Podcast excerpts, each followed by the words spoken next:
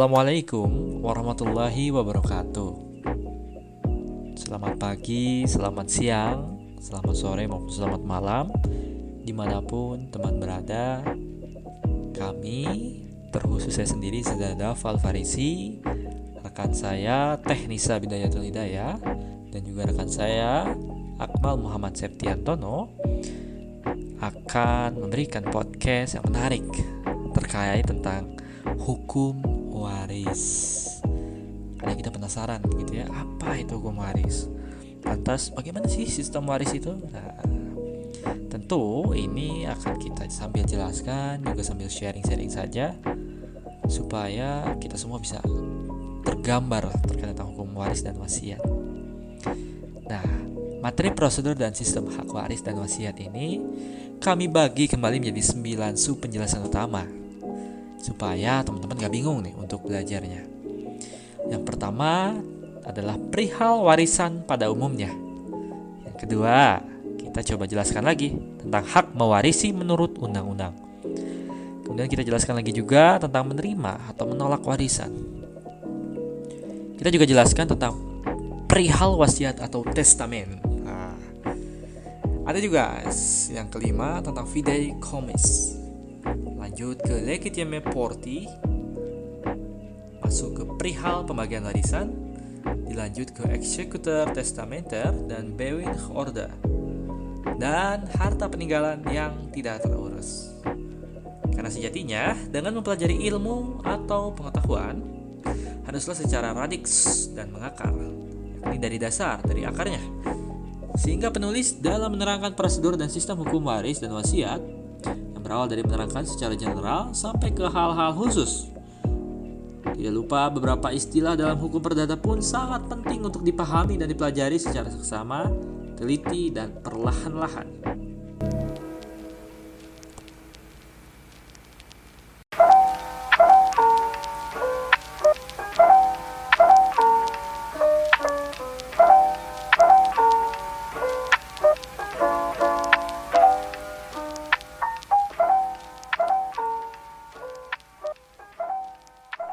Baik, subbab pertama adalah perihal warisan pada umumnya.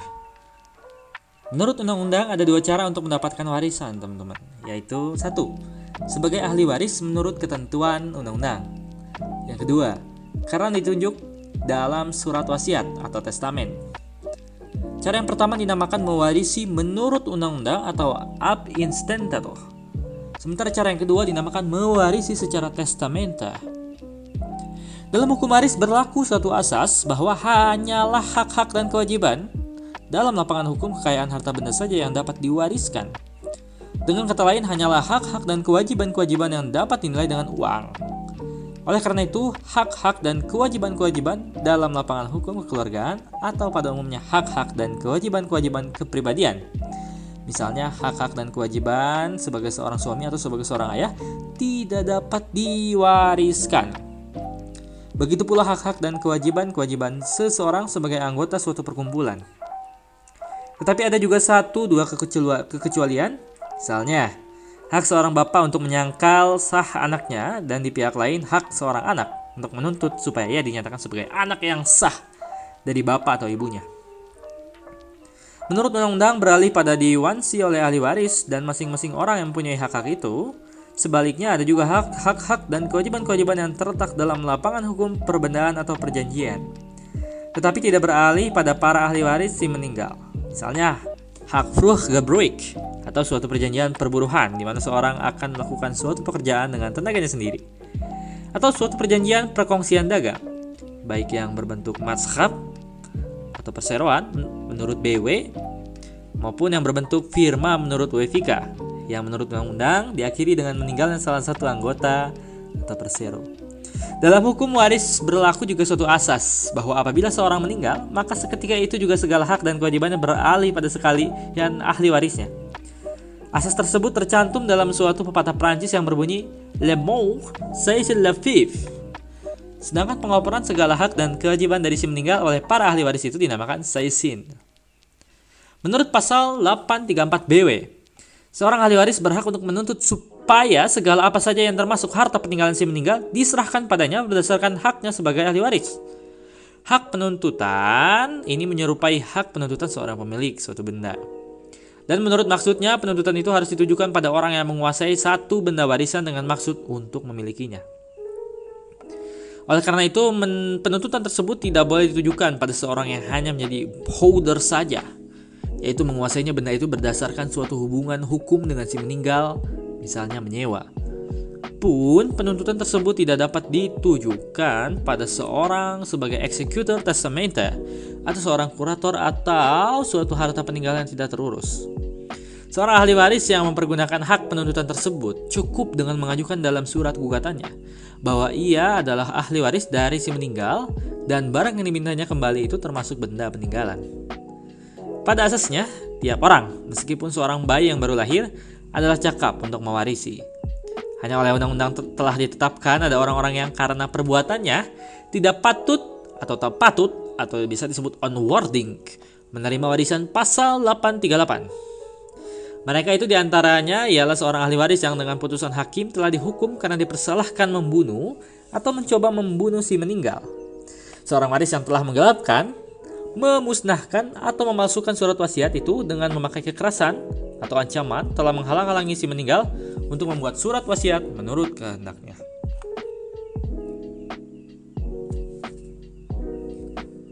Selain itu, Undang-undang telah ditetapkan bahwa ada siapa yang tidak boleh orang-orang yang berhubung dengan jabatan atau pekerjaannya. Menerima maupun hubungannya dengan si meninggal tidak diperbolehkan menerima keuntungan dari suatu surat wasiat yang diperbuat oleh si meninggal. Mereka ini di antaranya ialah notaris yang membuatkan surat wasiat itu, serta saksi-saksi yang menghadiri perbuatan testamen itu. Pendeta yang melayani atau dokter yang merawat si meninggal selama sakitnya yang terakhir, bahkan pemberian warisan dalam surat wasiat kepada orang-orang yang mungkin menjadi perantara dari orang-orang ini, atau tusen bede commande personen, dapat dibatalkan. Sebagai orang-orang perantara ini, oleh undang-undang dianggap anak itu dan istri dari orang yang tidak diperbolehkan menerima warisan dari testamen itu. Selanjutnya dalam pasal 912, ditetapkan alasan-alasan yang menurut pasal 838 di atas, menyebabkan seseorang tidak patut menjadi waris berlaku juga sebagai halangan untuk menerima pemberian-pemberian dalam suatu testamen. Kecuali dalam pasal 912 tidak disebutkan orang yang telah membunuh orang yang meninggalkan warisan. Jika si meninggal ini ternyata dalam surat wasiatnya masih juga memberikan warisan pada seorang yang telah berbuat demikian, hal itu dianggap sebagai suatu pengampunan terhadap orang itu. Dalam hal mewarisi menurut undang-undang atau ab insertato, kita dapat membedakan antara orang-orang yang mewarisi atau eigenhovet dan mereka yang mewarisi B blood for fooling. Seseorang dikatakan mewarisi Uit Eigenhoven jika ia mendapatkan warisan itu berdasarkan kedudukannya sendiri terhadap si meninggal. Ia dikatakan mewarisi Bit Blood for Fooling jika sebenarnya seorang lain yang berhak atas suatu bagian warisan tetap meninggalkan warisan. Apabila beberapa orang bersama-sama merupakan suatu stak dan cabang atau cabang begitu ya, makin banyak anggota suatu cabang, makin sedikit bagian masing-masing. Dalam satu cabang dapat terjadi satu atau beberapa cabang lagi. Baik, teman-teman, yang kedua adalah hak mewarisi menurut undang-undang. Nah, ini adalah materi kedua ya. Sebenarnya hak mewarisi menurut undang-undang itu apa sih gitu ya? Hak mewarisi menurut undang-undang. Nih, siapa yang berhak mewarisi harta peninggalan seseorang diatur sebagai berikut oleh undang-undang. Untuk menetapkan itu, anggota-anggota keluarga si meninggal dibagi dalam berbagai golongan. Jika terdapat orang-orang dari golongan pertama, mereka itulah yang bersama-sama berhak mewarisi semua harta peninggalan. Sedangkan anggota keluarga lain-lainnya tidak mendapat bagian satu apa pun. Jika terdapat anggota keluarga dari golongan pertama itu, barulah orang-orang yang termasuk golongan kedua tampil ke muka sebagai ahli waris. Seterusnya, jika tidak terdapat keluarga dari golongan kedua, barulah orang-orang dari golongan ketiga tampil ke muka. Dalam golongan pertama dimasukkan anak-anak beserta turunan-turunan dalam garis lencang ke bawah. Dengan tidak membedakan laki-laki atau perempuan dan dengan tidak membedakan urutan kelahiran. Mereka itu mengecualikan lain-lain anggota keluarga dalam garis lencang ke atas dan garis ke samping. Meskipun mungkin di antara anggota-anggota keluarga yang belakangan ini ada yang derajatnya lebih dekat dengan si meninggal. Hak mewarisi oleh suami atau istri dari si meninggal baru sejak tahun 1935 di negeri Belanda tahun 1923 dimasukkan dalam undang-undang yaitu mereka dipersamakan dengan seorang anak yang sah. Akibatnya, peraturan baru ini apabila tiada terdapat anak sama sekali, suami atau istri itu mengecualikan lain-lain anggota keluarga. Kejadian yang semacam ini memang lebih ditentang keras oleh aliran yang berpendirian bahwa kepada suami atau istri itu sebenarnya sudah cukup diberikan hak untuk memungut hasil dari harta peninggalan saja. Dalam hal si meninggal itu mempunyai anak dari perkawinan pertama dan seorang istri kedua, maka istri kedua ini dengan cara apa pun tidak boleh mendapat bagian yang melebihi bagian seorang anak dan paling hanya seperempat dari seluruh harta penanggilan. Jikalau suami atau istri kedua itu menerima suatu legat, misalnya, maka legat ini harus diperhitungkan harganya dan mungkin ia sebagai ahli waris menurut undang-undang sudah tidak berhak menerima bagian lagi. Tetapi meskipun demikian, ia tetap mempunyai hak dari seorang ahli waris. Misalnya bersama dengan ahli waris lainnya berhak meminta penyerahan benda yang termasuk harta peninggalan dan berhak turut melakukan pembahagian harta peninggalan tersebut. Dalam golongan kedua dimasukkan nih orang tua dan saudara-saudara dari si meninggal. Pada asasnya, orang tua itu dipersemakan dengan saudara. Tetapi bagi orang tua, diadakan peraturan-peraturan yang menjamin bahwa ia pasti mendapat bagian yang tidak kurang dari seperempat harta peninggalan. Jika tidak terdapat sama sekali anggota keluarga dari golongan pertama dan kedua, harta peninggalan itu dipecah menjadi bagian yang sama. Satu untuk para anggota keluarga pihak ayah, dan yang lainnya untuk para anggota keluarga pihak ibu si meninggal.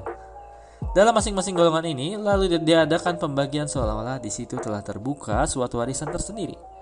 Hanya di situ tidak mungkin terjadi suatu pemecahan atau cloving lagi. Karena pemecahan hanya mungkin terjadi satu kali saja. Jika dari pihak salah satu orang tua tiada terdapat ahli waris lagi, maka seluruh warisan jatuh pada keluarga pihak orang tua yang lain. Bagian seorang anak yang lahir di luar perkawinan tetap diakui, Reckon naturlik. Itu tergantung dari berapa adanya anggota keluarga yang sah. Jika ada ahli waris dari golongan pertama, maka bagian anak yang lahir di luar perkawinan tersebut sepertiga dari bagian yang akan diperolehnya seandainya ia dilahirkan dari perkawinan yang sah. Dan jika ia bersama-sama mewarisi dengan anggota-anggota keluarga dari golongan kedua, bagiannya menjadi separuh dari bagian yang akan diperolehnya seandainya ia dilahirkan dari perkawinan yang sah. Pembagian warisan harus dilakukan sedemikian rupa sehingga bagian anak yang lahir di luar perkawinan itu harus dihitung dan dikeluarkan lebih dahulu. Barulah sisanya dibagi antara ahli waris lainnya, seolah-olah sisa itu warisan yang masih utuh. Contohnya nih, jika ada dua orang anak yang lahir di luar perkawinan, di samping tiga orang anak yang sah, maka yang pertama itu akan menerima masing-masing sepertiga kali satu per lima atau sama dengan satu per lima belas atau bersama-sama 2 per 15. Bagian ini harus diambilkan lebih dahulu dan sisanya 3 per 15 dibagi antara anak-anak yang sah. Karenanya masing-masing mendapat 13 per 30 bagian dari warisan. Juga terhadap anak-anak yang lahir di luar perkawinan, undang-undang memuat pasal-pasal perihal penggantian atau plots for fooling.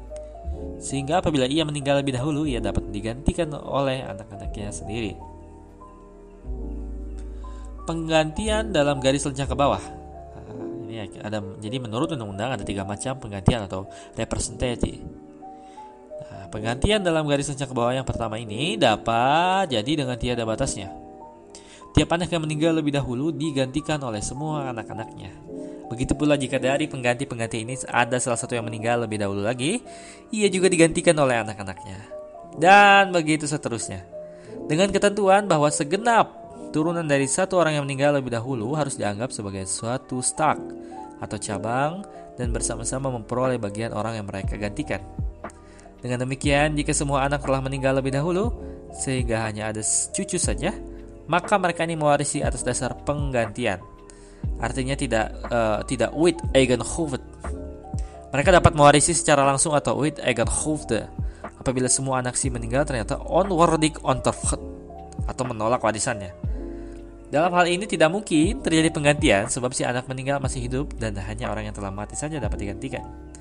Tetapi karena dalam keadaan tersebut tidak terdapat ahli waris dalam tingkat ke-1, maka cucu-cucunya tersebut tampil ke muka sebagai golongan ahli waris yang terdekat dan karenanya mereka itu lalu mewarisi atas dasar kedudukan sendiri-sendiri atau with Egerhofde.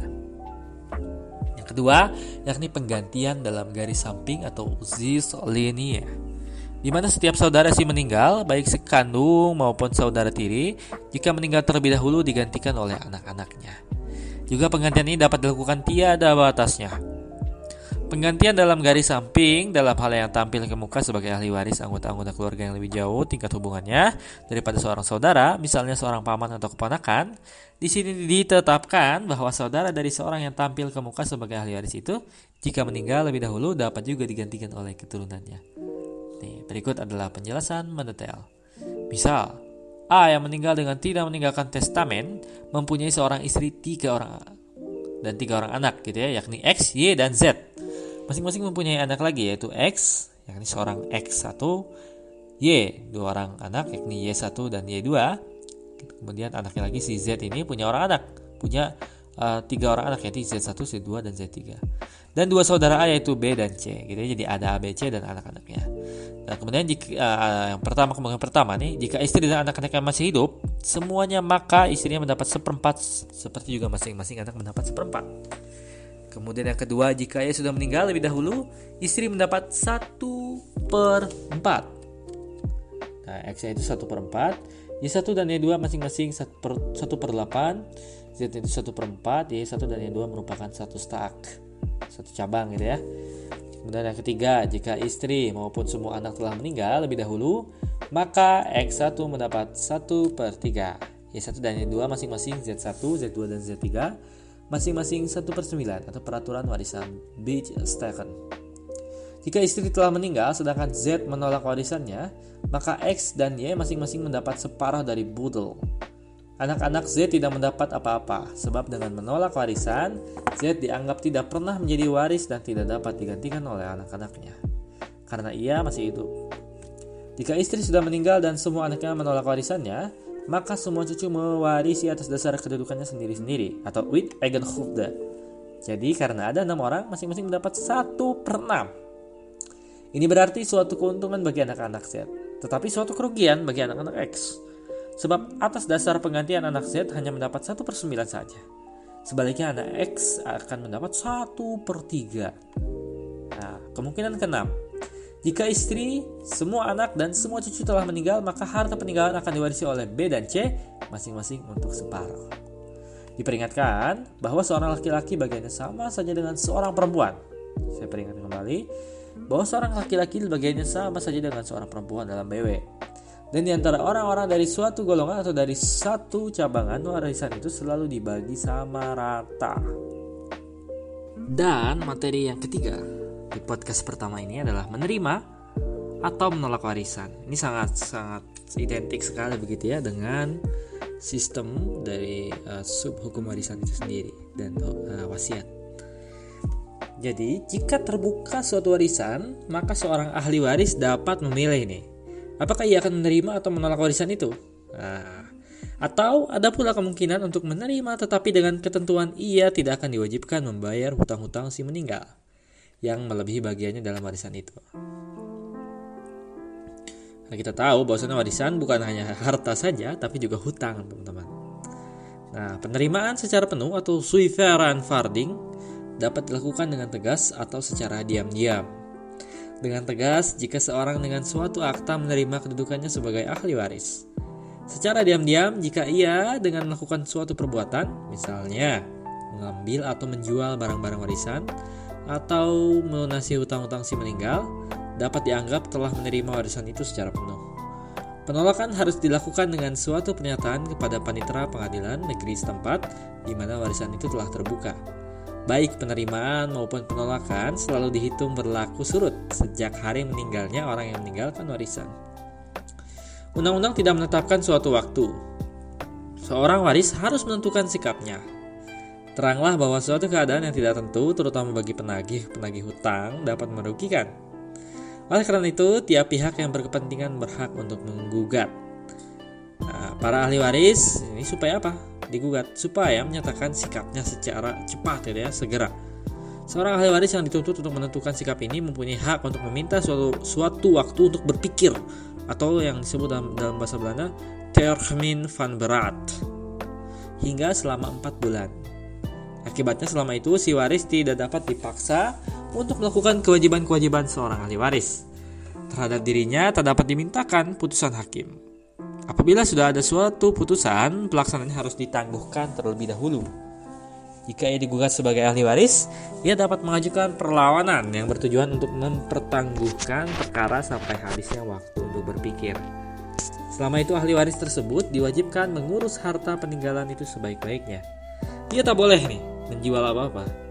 Sebab perbuatan mencapai uh, se -se sebab perbuatan menjual itu gitu ya, menjual harta itu justru dapat diartikan sebagai penerimaan penuh secara diam-diam atau silwigande unfolding. Kemungkinan yang ketiga bagi seorang ahli waris yang merupakan suatu jalan tengah antara menerima dan menolak dinamakan dengan forge verriefing atau benefiare unfolding. Jika ia hendak memilih jalan ini, si waris harus menyatakan kehendaknya kepada panitera pengadilan negeri setempat di mana warisan itu telah terbuka. Akibat yang terpenting dari beneficiary unfolding bahwa kewajiban si waris untuk melunasi hutang-hutang dan beban-beban lainnya dibatasi sedemikian rupa. Sehingga pelurunas, peluruhan atau pelunasan itu hutang-hutang si meninggal tadi ya dari ahli waris hanyalah dilakukan menurut kekuatan warisan saja. Sehingga si waris tidak usah menanggung pembayaran nih ah hutang-hutang dengan kekayaannya sendiri dengan begitu, nggak ada nih percampuran antara harta peninggalan kekayaan si waris dan ahli waris itu gitu ya dan uh, dari hasil warisan dengan yang memang sudah ada oleh si oleh harta dari si ahli waris itu. Benda-benda warisan diperlakukan sebagai sesuatu kekayaan tersendiri dan harus diurus untuk kepentingan semua penagih menurut peraturan-peraturan yang ditetapkan oleh undang-undang. Apabila hutang-hutang si meninggal telah dilunasi semuanya dan masih ada sisa dari harta peninggalan, barulah sisa ini boleh diambil oleh para ahli waris. Menurut pendapat yang lazim dianut, apabila semua ahli waris menerima warisannya secara beneficair, terdapat suatu keadaan yang mirip dengan suatu penyitaan umum atau paylisman untuk kepentingan semua orang-orang yang berpiutang dengannya. Sehingga tidaklah diperbolehkan, sementara orang yang datang menagih lebih dahulu menerima pembayaran penuh. Sedangkan orang-orang lain yang datang kemudian atau terlambat begitu ya, malah nggak menerima pembayaran atau hanya mendapat pembayaran untuk sebagian saja ya jadi harus dibagi secara rata bersamaan nah kewajiban kewajiban seorang ahli waris uh, beneficiaire ialah satu melakukan pencatatan adanya harta peninggalan dalam waktu 4 bulan setelah ia menyatakan kehendaknya pada panitera pengadilan negeri bahwa ia menerima warisan secara beneficiaire. Yang kedua yakni mengurus harta peninggalan sebaik-baiknya. Yang keempat, selekas-lekasnya memberikan urusan warisan atau the boodle tot Afghanheid Brandon. Apabila diminta oleh semua orang berpiutang harus memberikan tanggungan untuk harga benda-benda yang bergerak beserta benda-benda yang tak bergerak yang tidak diserahkan kepada orang-orang berpiutang yang memegang hipotek. Yang kelima, memberikan pertanggungjawaban kepada sekalian penagih hutang dan orang-orang yang menerima pemberian secara legat Pekerjaan ini berupa menghitung harga serta pendapatan-pendapatan yang mungkin akan diperoleh. Jika barang-barang warisan dijual dan sampai berapa persen piutang-piutang dan legatan itu dapat dipenuhi. Memanggil yang keenam yakni memanggil orang-orang berpiutang yang tidak yang tidak terkenal dalam surat kabar resmi. Tidak ada ada, ada niatan di situ gitu ya oleh uh, ahli waris benefice. Sebenarnya, peraturan yang diberikan undang-undang nih teman-teman mengenai pemberesan harta peninggalan dalam hal penerimaan warisan secara beneficiary ini adalah sangat sederhana dan kurang jelas. Tetapi dalam praktek tidak dijumpai kesulitan, sebab apabila sudah terang suatu warisan tidak akan mencukupi untuk melunasi utang-utang si meninggal, maka biasanya ditempuh jalan meminta pada hakim supaya warisan itu dinyatakan pilot. Hal mana menurut peraturan pilotment diperbolehkan? Dan peraturan punishment ini sangat lengkap dan teliti. Peraturan-peraturan yang berlaku dalam hal penerimaan atau penolakan warisan dapat diringkaskan sebagai berikut. Yang pertama, orang yang meninggalkan warisan tidak diperbolehkan membatasi hak seorang ahli waris untuk memilih antara tiga kemungkinan tersebut di atas. Itu apakah ia akan menerima penuh atau menolak atau menerima warisannya dengan bersyarat, yaitu dengan van Budel Yang kedua, Pemilihan antara tiga kemungkinan tersebut oleh orang se atau oleh seorang ahli waris tak dapat dilakukan selama warisan belum terbuka. Yang ketiga, pemilihan tidak boleh digantungkan pada suatu ketetapan waktu atau suatu syarat. Kepentingan umum, terutama kepentingan orang-orang yang menghutangkan si meninggal, menghendaki dengan pemilihan itu tercapai suatu keadaan yang pasti yang tidak akan berubah lagi. Yang keempat, pemilihan tidak dapat dilakukan hanya mengenai sebagian saja dari warisan yang jatuh kepada seseorang. Artinya jika seorang ahli waris menerima atau menolak, perbuatan itu selalu mengenai seluruh bagiannya dalam warisan. Hanya mungkin bagian seseorang yang lain menjadi ahli waris, baik menurut undang-undang atau menurut surat wasiat.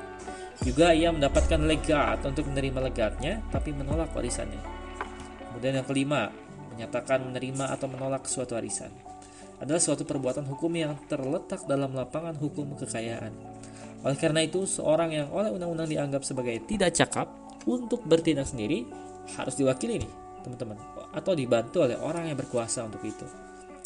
Yang keenam, jika seorang ahli waris sebelum menentukan sikapnya ia meninggal, maka baiknya haknya itu memilih hak memilihnya itu beralih kepada ahli waris ahli waris lain.